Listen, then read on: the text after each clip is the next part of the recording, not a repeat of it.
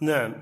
هنا مسألة مهمة تتعلق بالنفاس. أهل العلم يثبتون النفاس للمرأة إذا نفخ نفخت الروح في الجنين وهو باستكمال مئة وعشرين يوما.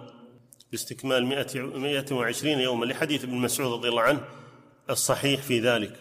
فإذا استكمل أو تم الجنين مئة وعشرين يوما فقد نفخت فيه نفخت فيه الروح. لكن المسألة فيما يسبق ذلك فيما يسبق فيما يسبق ذلك هل يعد نفاسا أو لا؟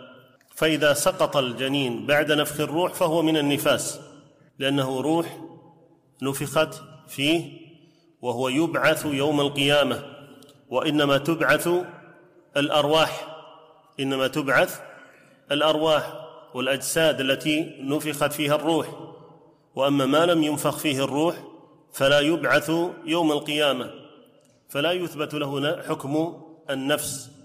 ولذلك الفقهاء عليهم رحمة الله تعالى وكما سيأتي الكلام عليه تكلموا على حكم من أسقط الحمل.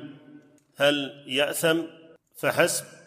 أو أنه عليه الدية أو القود على ما يعني تكلم عليه أهل العلم في ذلك والله أعلم وسيأتي الكلام عليه. ثم هنا مسألة أخرى وهي أنه لو تخلق الجنين كما ذكر المصنف فهل يلحق الجنين إذا تخلق بالروح التي نفخت فيه؟ هذا هو اختيار الحنابلة عليهم رحمة الله تعالى وهو له وجه وهو احتياط وهو من باب إلحاق النظير بنظيره والشريعة قد جاءت بالجمع بين المتماثلات.